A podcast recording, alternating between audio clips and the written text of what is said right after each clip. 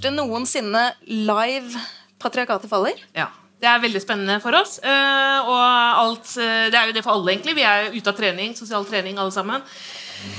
Eh, jeg heter Marta Breen. Jeg heter Anette Garpestad. Og Patriarkatet faller.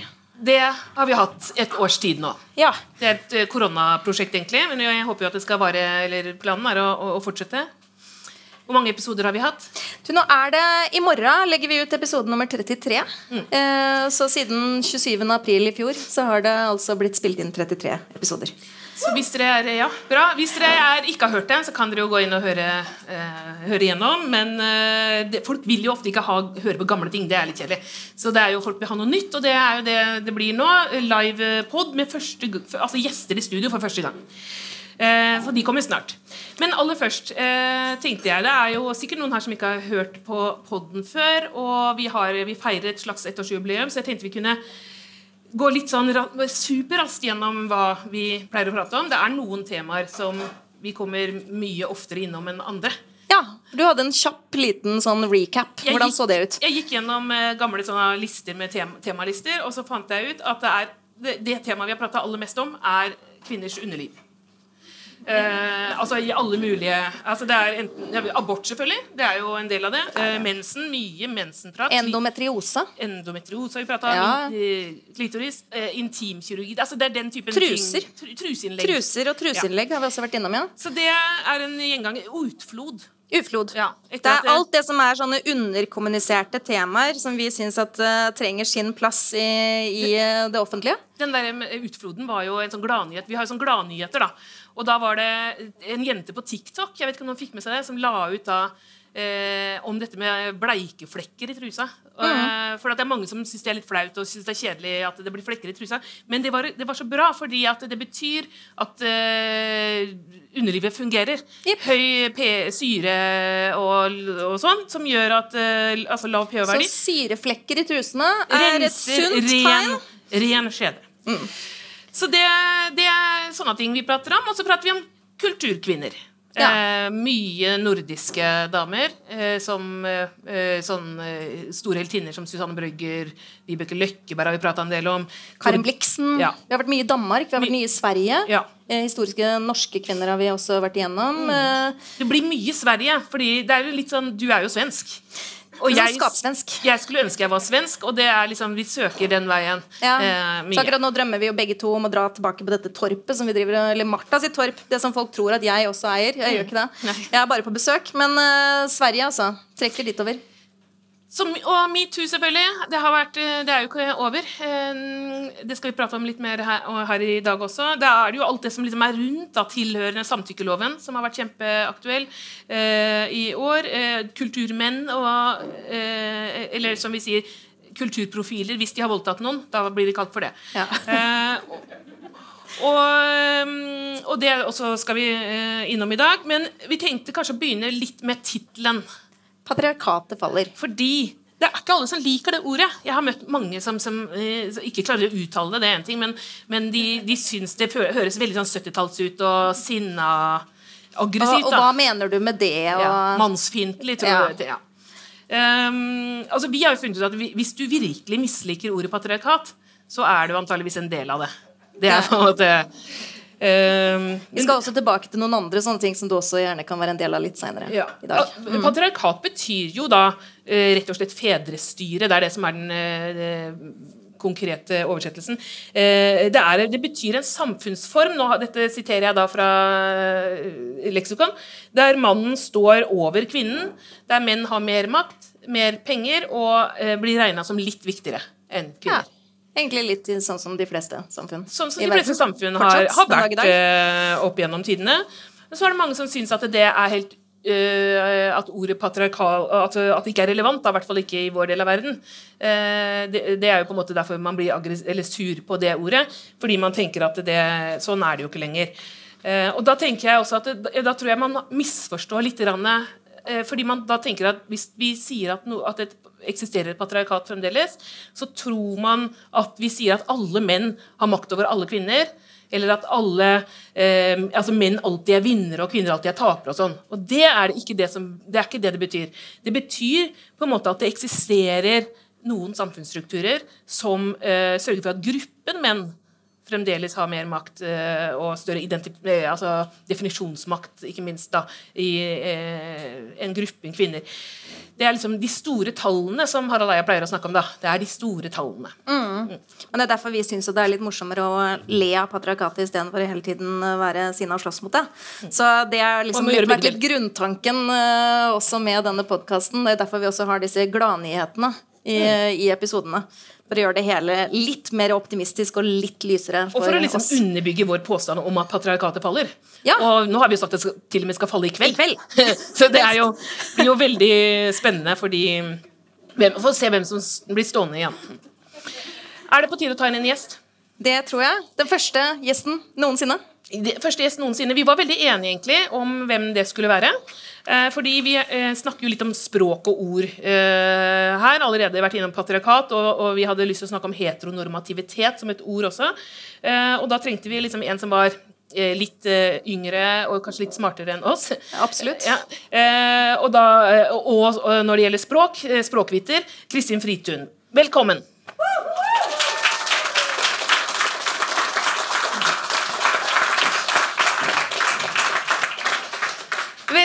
Velkommen!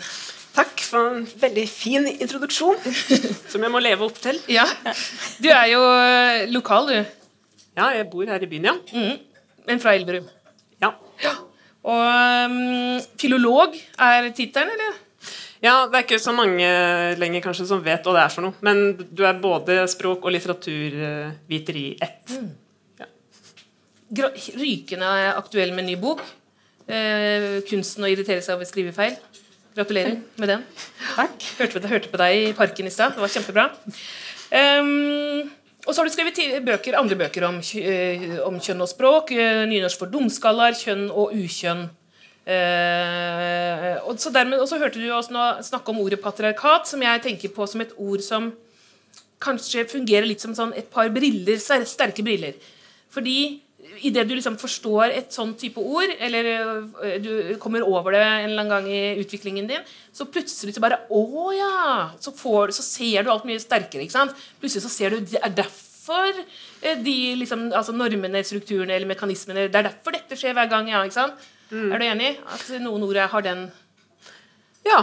Eh, I veldig stor grad. Og det er jo så den der brillemetaforen. Jeg har også skrevet en bok om metaforer i språkdebatten. Ja, ja. Og den der brille den treffer så bra, da. fordi at eh, på den ene sida så, eh, så sier den noe om at vi kan bytte mellom ulike synsmåter. Altså, vi kan jo uh, Ulike briller fremhever ulike ting, og vi kan bytte mellom dem. Men også det her at uh, en brille får oss jo til å se været. Det er et hjelpemiddel. Så det viser jo også at sånne begreper og ord kan hjelpe oss med å se ting mm. som en pille. Det er sjølsagt. Ja.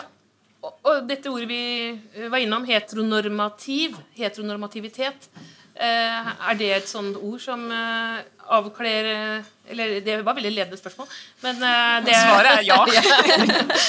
ja, for det er eh, så, når, du har, når, du først har sett det, så greier du ikke ikke se det igjen. Mm. Og um, heteronormativitet Uh, henger også sammen med prøver, Kan du definere det for oss? Det, liksom... ja, det henger noe sammen, uh, sammen, med mm, Judith Butler, den kjente litteraturviter og forsker, som uh, tidlig på 90-tallet lanserte noe som hun kalte den hetero...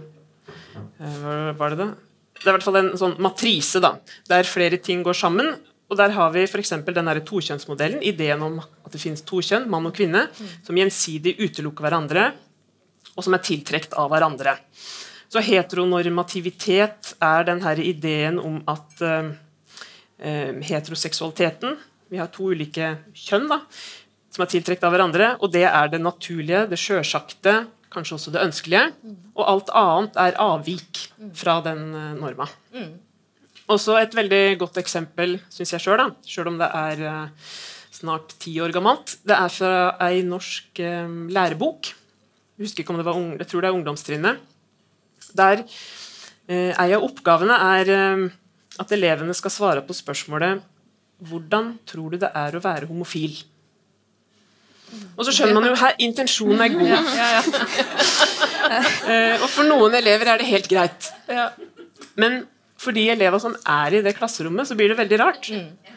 Fordi at hele Premissen for spørsmålet er at eleven som leser boka, alle vi som er her i dette klasserommet, vi er hetero. Mm. Nå skal vi tenke litt over de andre. Mm. Um, det er jo helt horribelt.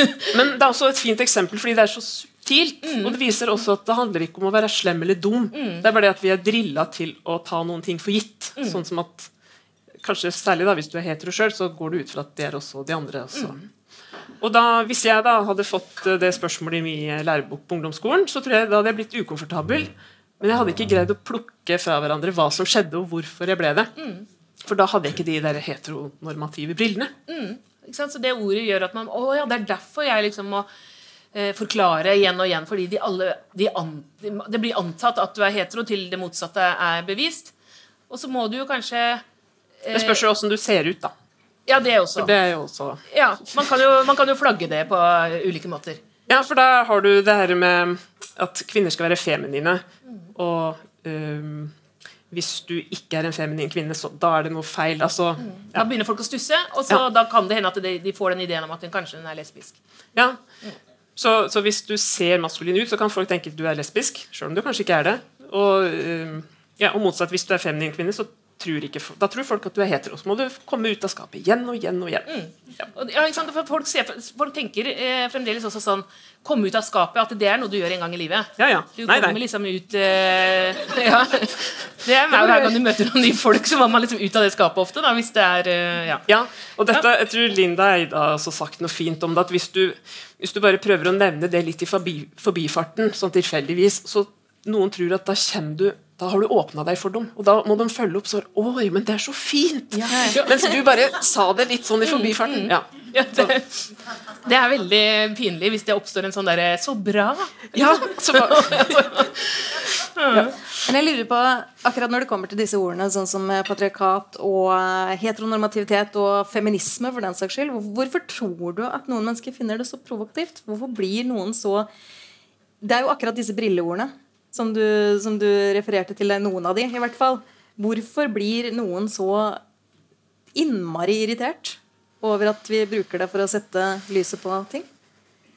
Ja, det er jo jeg, Si det. Jeg tror det handler litt om det som Martha var inne på, at de, de føler det litt som et angrep at alle vi som er heteroer, er dumme.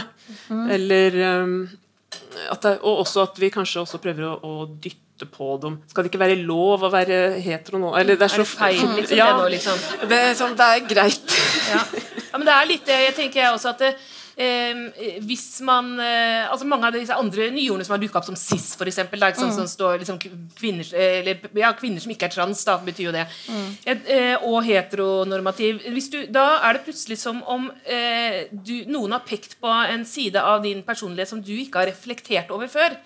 Hvis du ikke er Hvis du er trans eller lesbisk eller eh, en annen eh, minoritet, holdt jeg på å si eh, ikke, altså Hvis du er min, minoritetsbakgrunn også, så blir du påminnet av det hele tiden, hele livet. For mm. alle har, du får dette prefikset foran navnet ditt eller men, men, de som da ikke har noen sånne type kjennetegn, da, hvis de er veldig majoritetsbefolkning, så, eh, så, går man jo rundt og tror og tenker ikke over det. Og så kommer noen da og så sier Det blir litt sånn sånn geitekillingen som eh, lærte å telle til ti. Ja, ja. Å nei, plutselig så bare Jeg, nei, jeg er ikke noe. Liksom, altså, ja. Så det er, det er liksom, aggresjonen ligger litt i det.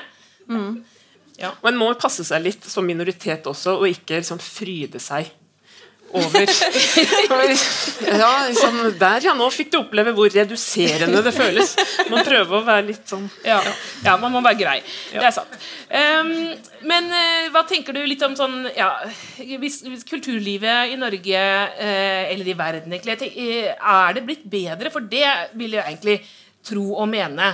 Uh, hvis vi går 20 år tilbake i tid og liksom, Jeg skrev for en bok om kvinner i norsk musikkliv som het 'Pikevin og sang'. Det er 20 år siden start. og da var det liksom bare Anne Grete Preus og knapt nok det som hadde sagt uh, høyt at hun var lesbisk. Mens i dag så har vi liksom Frida Åndevik og Truda, Trude Syvertsen Nei, Tuva Syvertsen. Bjørlin Redd, ikke minst. Eh, Fay Wilhagen. Det er mange, syns jeg. Da, som liksom, og det blir ikke alltid gjort. Noen, gjør, noen snakker mye om det. Eh, noen ikke i det hele tatt. Og det er liksom så masse forbilder. Og det var bare musikken. Det kunne, kunne liksom godt tatt Vi hadde en program på, oss her på Lillehammer liksom, om skeiv litteratur og mm. filmer og TV. Det er liksom en helt annen virkelighet. Så nå svarte jeg egentlig på spørsmålet, men du kan jo se om du er enig, da. Jeg, jeg er enig. Ja. Og det gjelder jo også ja, Du nevnte jo utøvere, men også sånn arenaer. Mm. Uh, og bare liksom, Det popper jo opp pridefestivaler overalt, og de har ofte kulturarrangementer. og og så er det også de konkrete tinga som blir lagd. Bøker, filmer. Um, og så er det òg Dette vet jo folk kanskje, da. Men hvis vi går 100 år tilbake i tid, så en kunne fortsatt skrive om skeive figurer, men måtte, det måtte gå dårlig til slutt. For Hvis ikke så ville det oppleves som sånn at du promoterte en skeiv livsstil. Så i, i skeive bøker, f.eks., så ja, én eller begge av de skeive blir jo tatt livet av, ofte på veldig rare måter. Eller eh, ja, blir ulykkelig, blir gal, blir hetero. Uh, og det er jo en form for sensur. Men samtidig så er det jo litt fint, for så lenge det går ræva til slutt, så kan du tillate deg veldig mye underveis. Ja. Det er mye drøyere ting uh, som står i, i, gamle bøker enn en skulle tro. Mm. Men det går jo dårlig til slutt, da. Ja, det, ja. Det, er, det er litt sånn skrekkfilmer også, sånn klassiske Hvis du ser to unge mennesker som har sex i tenåra så blir de drept eh, etter 30 sekunder. Så det er eh, Ja. Men eh, vi, altså, øh, vi, vi, har snakka litt om på en måte heteronormativitet som ord og sånn, men øh, det er jo også Eh, og, og, den der, som du sier, liksom, den yin og yang, ideen om at kvinne og mann er diametrale motsetninger som skal utfylle hverandre, det, er, det møter jeg veldig mye av eh, folk som sender meg meldinger og sånn, eh, mailer og sinte greier. Det handler liksom om eh, man må slutte med feminismen, fordi vi ødelegger jo liksom for erotikken og, og sånn, fordi kvinne og mann skal eh, være ulike og utfylle hverandre.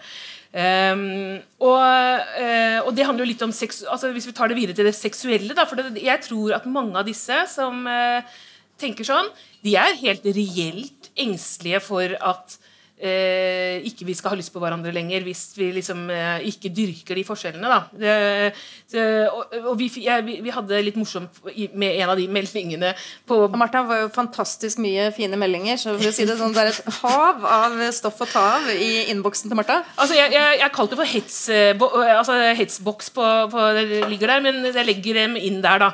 Men det høres hets eh, Og noe av det er jo det, da. Det er jo veldig mye sånn at vi vil at man skal bli eh, Det vil veldig gjerne at man skal bli voldtatt av muslimer. Det er, det er vanlig, noe av det vanligste. Men, eh, men, så er det også veldig mye som jeg, jeg tenker Altså, jeg, man, man, skal ikke le så mye av hets, da, eller, men, men det, de er så morsomme. For de, de er så ufrivillig morsomme. Og, og, her var liksom en da som var han, Jeg hadde skrevet en artikkel om trans, og det syntes han var kjempeteit, fordi transpersoner finnes jo ikke. Eh, og så skriver han hvis noen har overbevist seg selv om at de er et magisk tredje kjønn som ingen har hørt om før, så kan de dra til helvete. Jeg har ikke tålmodighet med forvirrede idioter. Har du en penis, så er du en han. Har du et hull for penis, så er du hun. og, og og det er bare sånn ja, Hvis du liksom tror at eh, det er det vi har, et hull for penis, så er Det er litt sånn vi går rundt og føler oss, ikke sant? Ja.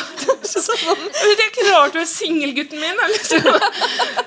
Men, eh, så dette her er jo ikke bare en gammeldags eh, forståelse av anatomi, men, men veldig veldig heteronormativt eh, eksempel, da. Ja. ja. eh, men, men og det, jeg tenker litt på jomfrubegrepet sånn som den, det vanligvis forstås, eh, det går jo også veldig inn i akkurat den ideen om eh, heterosex er den eneste formen for sex. da. Ja, i hvert fall det eneste ordentlige. Mm. Uh, vi har jo også det helt forferdelige ordet pikekos. Som jo er sånn Det er litt sånn nedvurderende og fetisjerende på en gang. Mm, mm. Um, Hele, altså, pik, pik, ordet pike i seg selv er jo et fryktelig ord, da. Ja, jeg også Nå vet jeg ikke om dere godkjenner dette, her da, men eh, når det er snakk om det her, så liker jeg å dra noen sånne gamle eksempler. Mm -hmm. Fordi at det her spørsmålet om to kvinner kan ha sex, eller omgjengelse, som det blir kalt, omgang, det har vært drøfta i norsk høyesterett. Av alle ting. Mm. Um, faktisk to ganger. Den første var i 1847. Det er i Bergen som har skrevet uh, masteroppgave om det. Og Der var det ei 68 år gammel kvinne som var tiltalt for å ha hatt sex med eh, to av tjenestejentene sine. Og så eh, Lova forbød omgang som var imot naturen. Så var spørsmålet har de hatt omgang som er imot naturen, eller hva er det de har gjort? Mm. Og da var jo det store spørsmålet har det vært penetrering. Mm. Så det de begynte med, var jo å sjekke om hun hoveddama da, hadde en eh, veldig stor klitoris. For det var en vanlig, vanlig, teori at lesbiske kvinner hadde det, som de brukte til å penetrere andre kvinner. For det måtte jo skje på den måten. Ja, ja, det er ikke en annen måte. Ja. Og så viste det seg nei, hun var helt normal. Og så hadde de, uh, disse høyesterettsdommerne greip tak i et rykte som hadde gått om at hun eh, Simonette, som hun het, da, hadde hatt et sexleketøy som de kalte en løsfyr. Eh, men det nekta de for. Det fant de ikke bevis for. Nei. Så konklusjonen ble at Ingenting galt hadde skjedd. Jo, det var litt sånn usømmelig, men det var ja. ikke ordentlig ille. Nei, nei. Det, og det kan jo være en fordel også, da. Altså Den her lova mot uh, sex mellom menn forbød nettopp sex mellom menn. Mm. Så hvis du da var kvinnelig homoaktivist, så hadde du kanskje litt det kunne være en fordel òg. Ja, ikke sant? Det var jo eh, eh, Det har vi snakka litt om på poden, at det, veldig mange av disse eh, tidlige kulturdamene da, fra på 1800-tallet, og de som enten var kjente feminister og oppnådde ganske mye på den, det feltet, eller, eller annen kunst og kultur, de har man jo sånn eh, antatt at mange av dem bodde, de bodde jo sammen med kvinner, mange hjem, og så tenker man at i det tilfellet her så var det nok også eh, kjærester. Men fordi eh, samfunnet ikke skjønte at dette kunne skje, så fikk man et frirom da, ja. som man kunne eh, oppnå, gjøre litt mer enn en, i hvert fall en vanlig gift kvinne. Det tok jo veldig lang tid før man eh, i det hele tatt eh, adresserte at kvinner har en, en egen seksualitet. Mm. Så det er klart at uten penetrasjon så fantes det jo ikke noe seksuelt til kvinnen. Mm. Det, det er, men eh, nå, ja, nå, har vi gjort som vi pleier, Snakker mye om eh, sex og klitoris. Og, der, og sånn. var vi der igjen. Ja. Eh, og jeg føler at det er jo da eh, Vi må få en liten friskt blod på scenen. Eh, en, eh, en gjest til. hun er forfatter, historieforteller, et fyrverkeri av et menneske, vil jeg påstå. ta hjertelig godt imot Liv Gulbrandsen.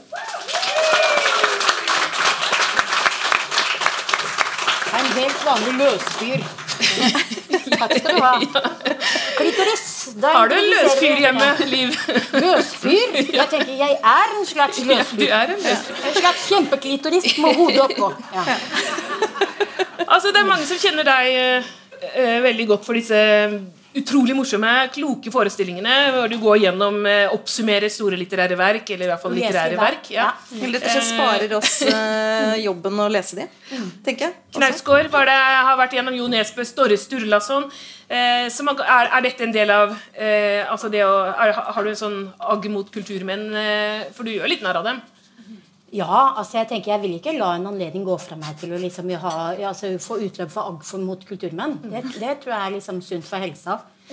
Men eh, nei, altså generelt så tenker jeg sånn eh, om at eh, når det gjelder på en måte hvis man skulle, sånn, nå, Når vi er i nerdekrok her, da, feminister oss imellom, liksom, så er det jo et eller annet med det der med ord, og bruke presise ord, eller bare ha ord for eh, et, samfunnet sånn en ser det, så handler jo mye av det for meg om på en måte eh, som i årete sagt sånn eh, patriarkatets iboende propagandaapparat, på en måte. Og at det kommer i veldig mange ulike former. Og det å liksom analysere og defragmentere det og sette, og, og sette det sammen på nytt, det syns jeg er gøy og spennende. Mm. Og med f.eks. både Knausgård og Nesbø, men også Fifty Shades, så er jo mm. dette ofte litteratur som du, du, grafser, du glefser deg gjennom. ikke sant? Og det er så massivt og så svært. At det å liksom sette deg ned og begynne å se sånn, hva sier de egentlig for noe, det er jo ingen fornuftige mennesker som gjør det. For det er jo tid du aldri vil få tilbake. ikke sant?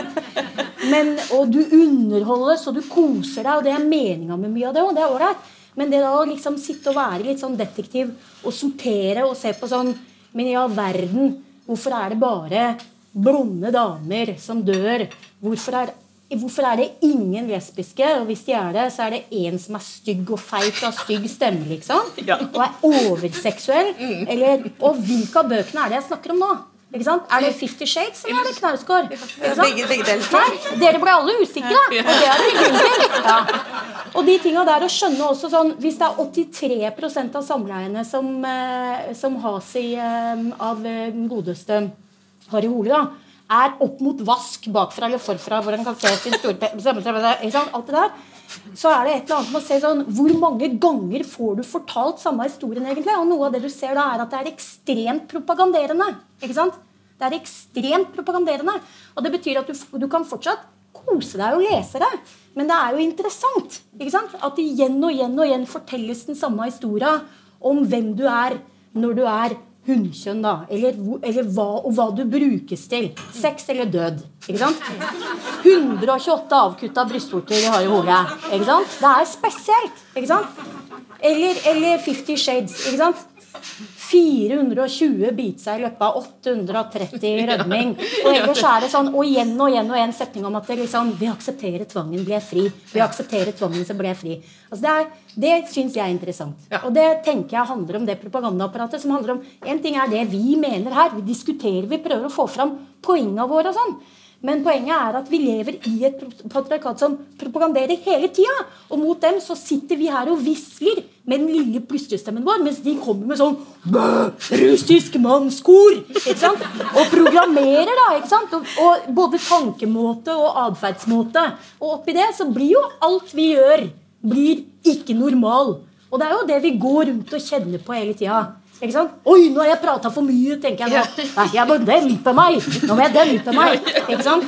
Ja. Så Hver sånn, gang ja, men har jo langt hår og sånn. Jeg ser jo ganske ut som dame. Ikke sant? Ja. Men hvor mye hvor langt hår må jeg ha for å kunne prate så mye? Ikke sant? Så, ikke sant? Ja, jeg har kjole! Da kan jeg prate litt mer. Og kanskje jeg kommer til å skrive! Ja, da får jeg meg sko!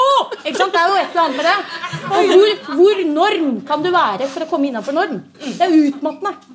Nå ble jeg veldig overbevist om at patriarkatet faller i kveld. Ja, ja, altså. så ser jo det her. Vi bare brøyter vei.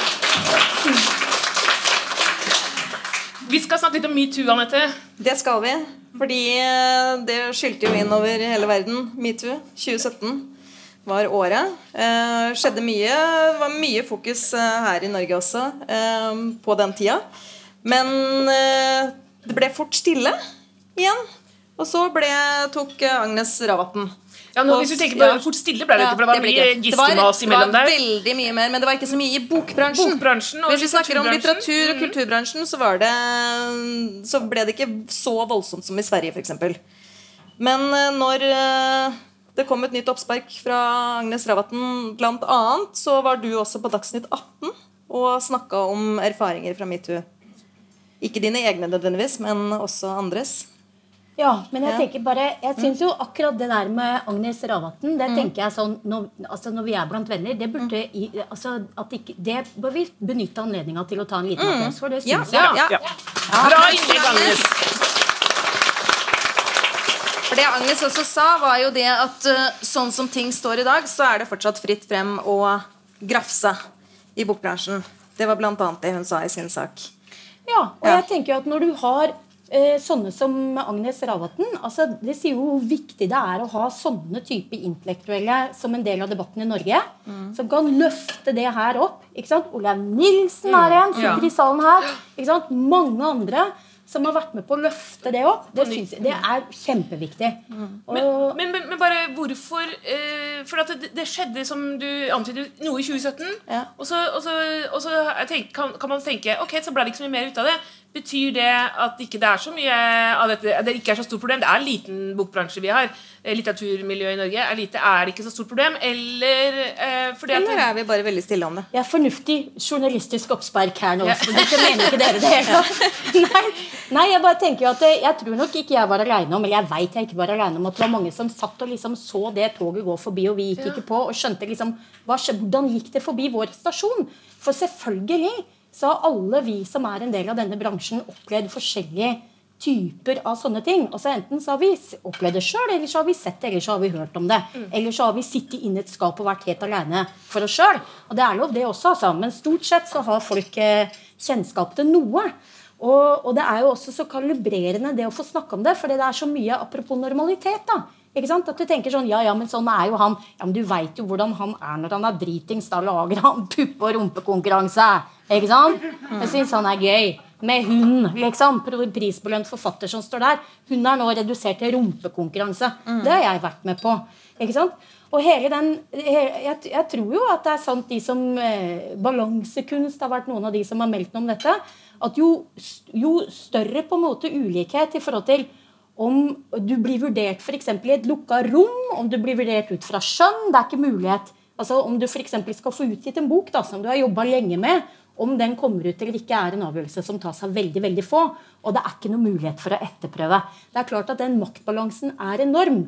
Og jo mer maktbalanse, jo eh, større større er, på en måte potensialet for noen å herje rundt med andre folk. ikke sant?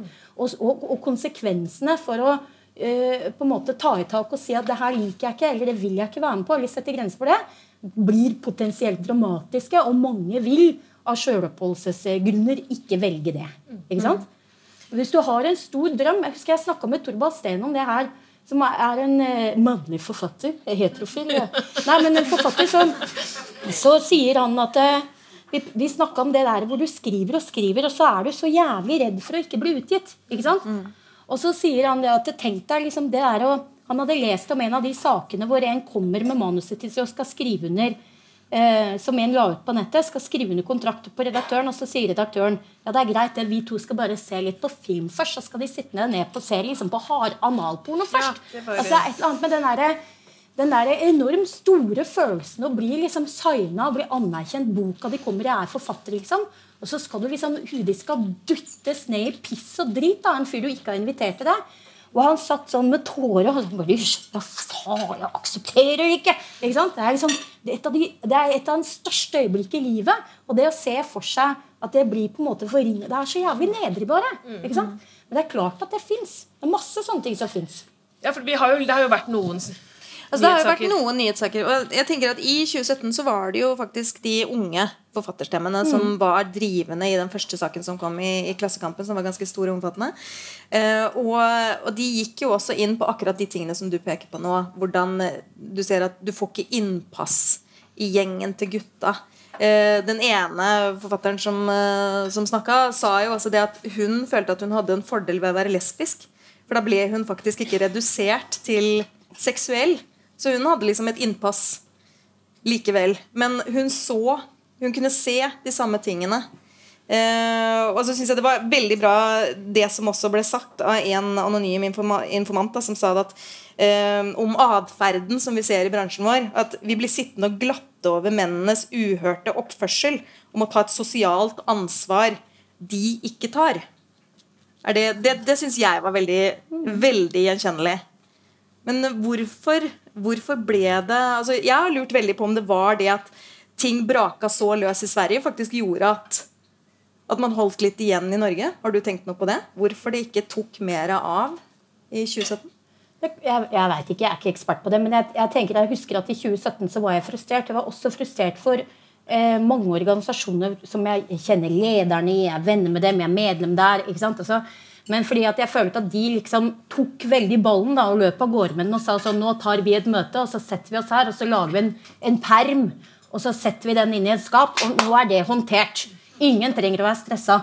Og det tror jeg ikke. Jeg tror at akkurat det der grusomme For på den ene sida så er det sånn du, vi burde ha en rettsstat som håndterer dette. Det burde være en sikkerhet hvis du er forfatter eller menneske på jorda, for at du skal slippe ulike typer trakassering. Og så ser vi at sånn er ikke. ikke sant? Og jeg husker at når all den outinga kom i begynnelsen, så tenkte jeg sånn Fader, ass, dette er ikke bra. ikke sant? Men det er også et varsel i det. ikke sant? Noen av de sakene som kommer fram, er så grove at det er helt drøyt at det ikke er varsla om før. Mm. Altså Det er folk som har fått lov også i forlagsbransjen til å holde på med ting som er voldtekt og vold. ikke sant? Og ødeleggende trakassering for folk. Og det å ikke vite om det er også skummelt. det at vi ikke har et, altså Vårt rettsapparat er kritisert av FN fordi den ikke tilbyr nok sikkerhet i sånne saker mm. for, for, kvinner i Norge. Og Det er klart at det, det betyr at et eller annet må man jo gjøre. liksom. Og den forløsninga med å snakke sammen, ikke nødvendigvis hvem har gjort, men dette har skjedd meg, mm. den kom aldri til oss. Og da ligger det der. Og er liksom, Vi kan plastre så mye vi vil, men det er en jævla verkebyll vi plastrer på. ikke sant? Og jeg føler at den er det da noen som har prøvd å stikke hull på, og delvis så blei den stikke hull på først i fjor. Riktig. Og det er jeg lei meg for. For det betyr at det er lenge så har det ligget her, og mange har tenkt sånn nå må vi være ansvarlige og sånn. Kanskje litt mindre av det, tenker jeg nå. Kanskje rett og slett ta, trampe litt hardt uti det med begge platåskoa, og så ikke ta så jævla mye ansvar for hva som måtte skje. Eller det får vi liksom deale med da. Men det er jo et eller annet med at vi er jo på å dekke over skjebner. Det er ikke bra. ikke sant? Det er ikke bra sånn det er nå. Og vi må gjøre noe med det. Og det kommer til å bli ubehagelig. Og, og det har allerede vært ubehagelig. Mm. Men da er det i hvert fall ubehagelig sammen. ikke sant? Det er ikke en eller annen som skal sitte aleine med en eller annen jævel med boka si og, og bli eh, tråkka på. Ikke sant?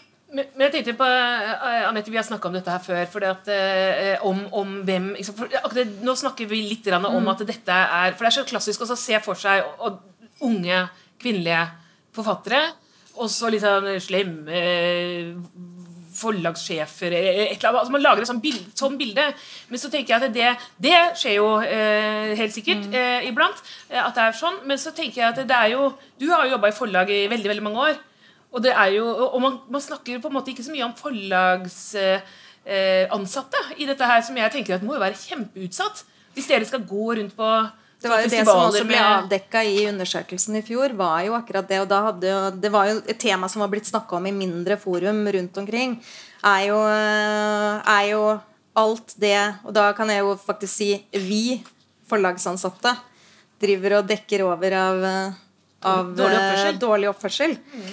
Uh, og det er jo også uh, Så jeg sa det før undersøkelsen, så sa jeg det at det her kommer til å slå ut sånn at det faktisk endelig vises at det faktisk er forlagsansatte også blir utsatt. Og Der kan jeg også si at jeg kjenner mannlige forlagsansatte som også har vært utsatt. Så det er faktisk uh, litt kjønnsuavhengig. Men uh, Det er litt fordi at det mm. står jo nærmest i deres kontrakt at dere skal drive med forfatterpleie. Det høres veldig Det er litt sånn suspekt. Akkurat. Hva går egentlig den pleien ut på? Liksom? Ja. Nei, men det, det, handler jo om at, uh, å ivareta forfatteren. Mm. og sørge for at forfatteren har det fint. Ja. Og at forfatteren kan gjøre jobben sin, som er å skrive bøker. Mm.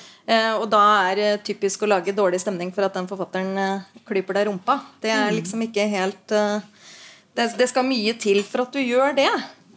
Så um, Men nå i ettertid, etter den undersøkelsen, så har det jo også igjen vært Den kokte litt bort i korona, eller hva, hva, skjedde der?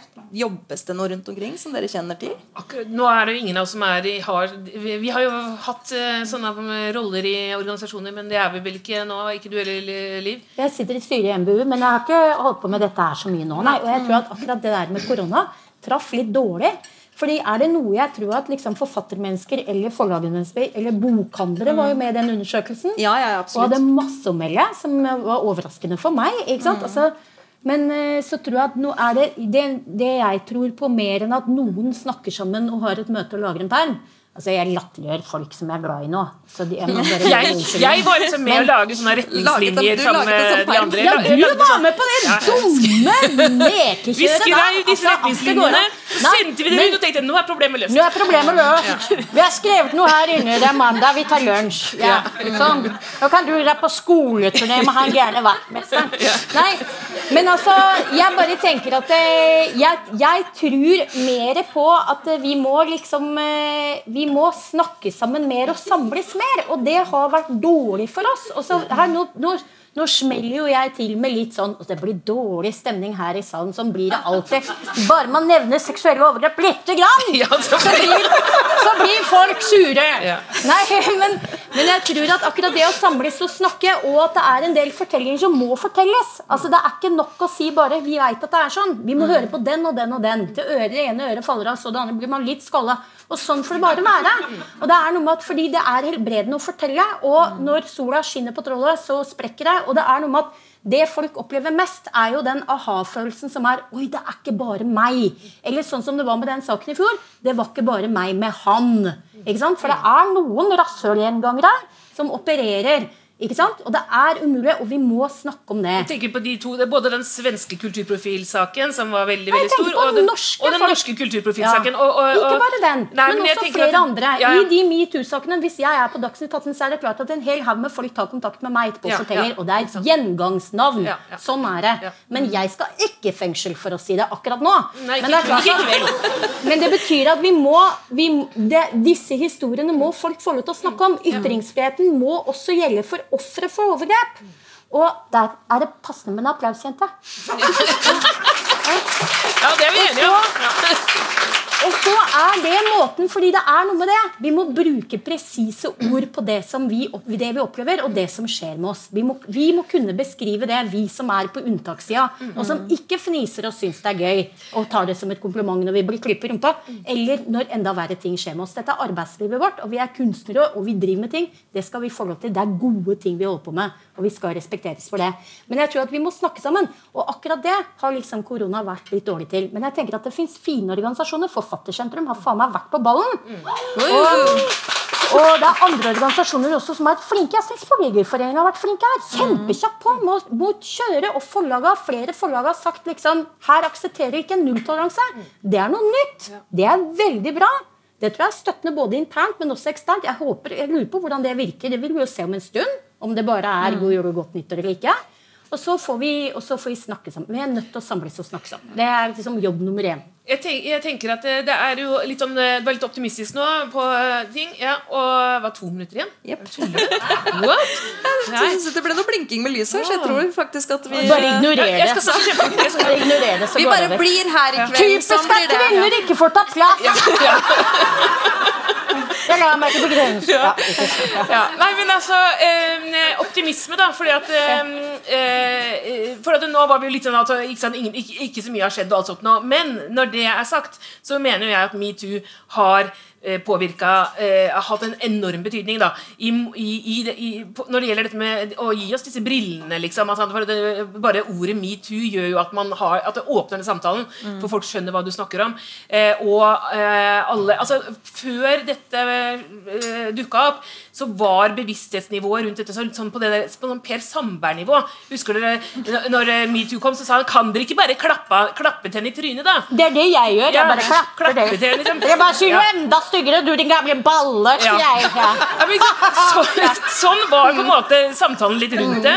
Og dessverre så vil jeg si at ganske mange kvinner som jeg vanligvis snakker bare pent om og beundrer, altså generasjonen over oss, da, som føler seg liksom ferdig med denne kampen, de var, tok den litt. Herregud, så følsomme de skal være. Vi, vi tålte det. Vi bare klappa til, og vi bare gjorde ditt og datt. Og så, og så, ja, så, så det var liksom sånn, Men så har, på en måte, har vi jo hatt, selv om vi skal ha mye mer av de samtalene, så har vi jo hatt disse samtalene på mange måter, som også gjør at, vi, at jeg føler at vi har kommet et stort skritt videre. Det er ikke noe tvil om at vi snakker mer om det nå.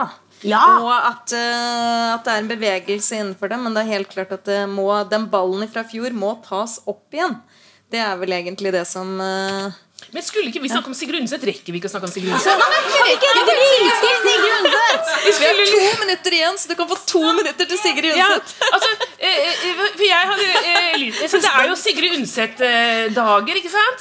Og vi syns det er Det er veldig fint, det. Ja, og, og, og, og vi syns det er gøy, for at Sigrid Undset var Sigrid jo ikke Sigrid Undset i metoo-perspektiv. Ja. ja, men liksom Du har jo satt opp Sigrid Undset, men hun var jo ikke noe ansvarlig rettssak, og så dømming av han. Ja. Hun var jo ikke feminist, akkurat. Det er jo liksom litt uh, interessant. For vi er jo stolte av Sigrid Undset og, og, sånn i Norge.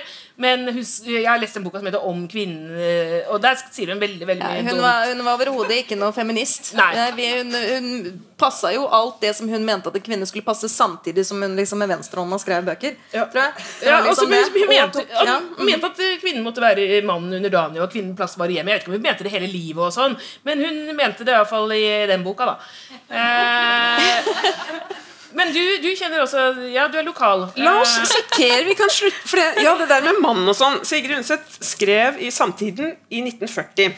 Her siterer jeg ordrett.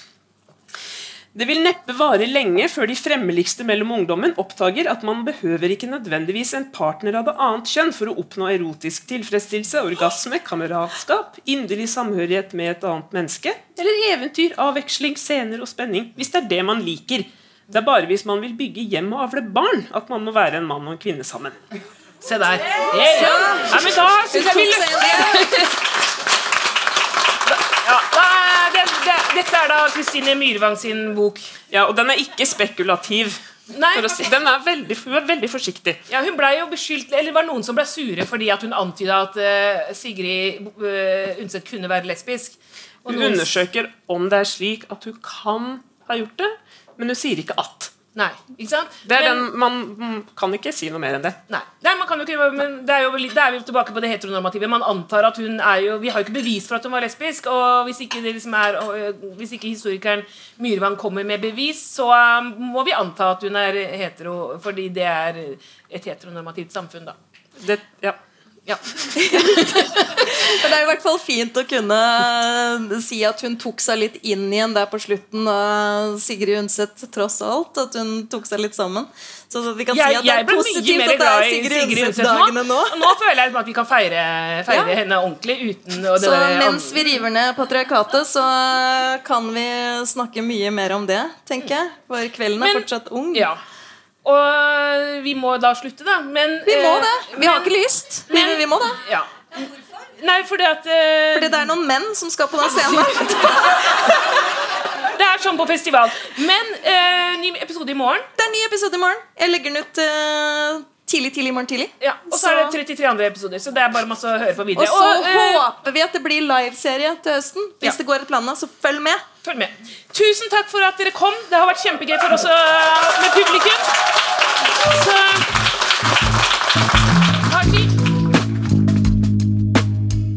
på podkasten 'Patriarkatet faller' av og med Marta Breen og Anette Garpestad, utgitt av Agenda Magasin. Ansvarlig for lydteknikk og musikk er Margarita Krimici. Du finner Patriarkatet faller på Facebook, Instagram og Twitter. Og du kan sende oss en e-post på patriarkatefaller at gmail.com.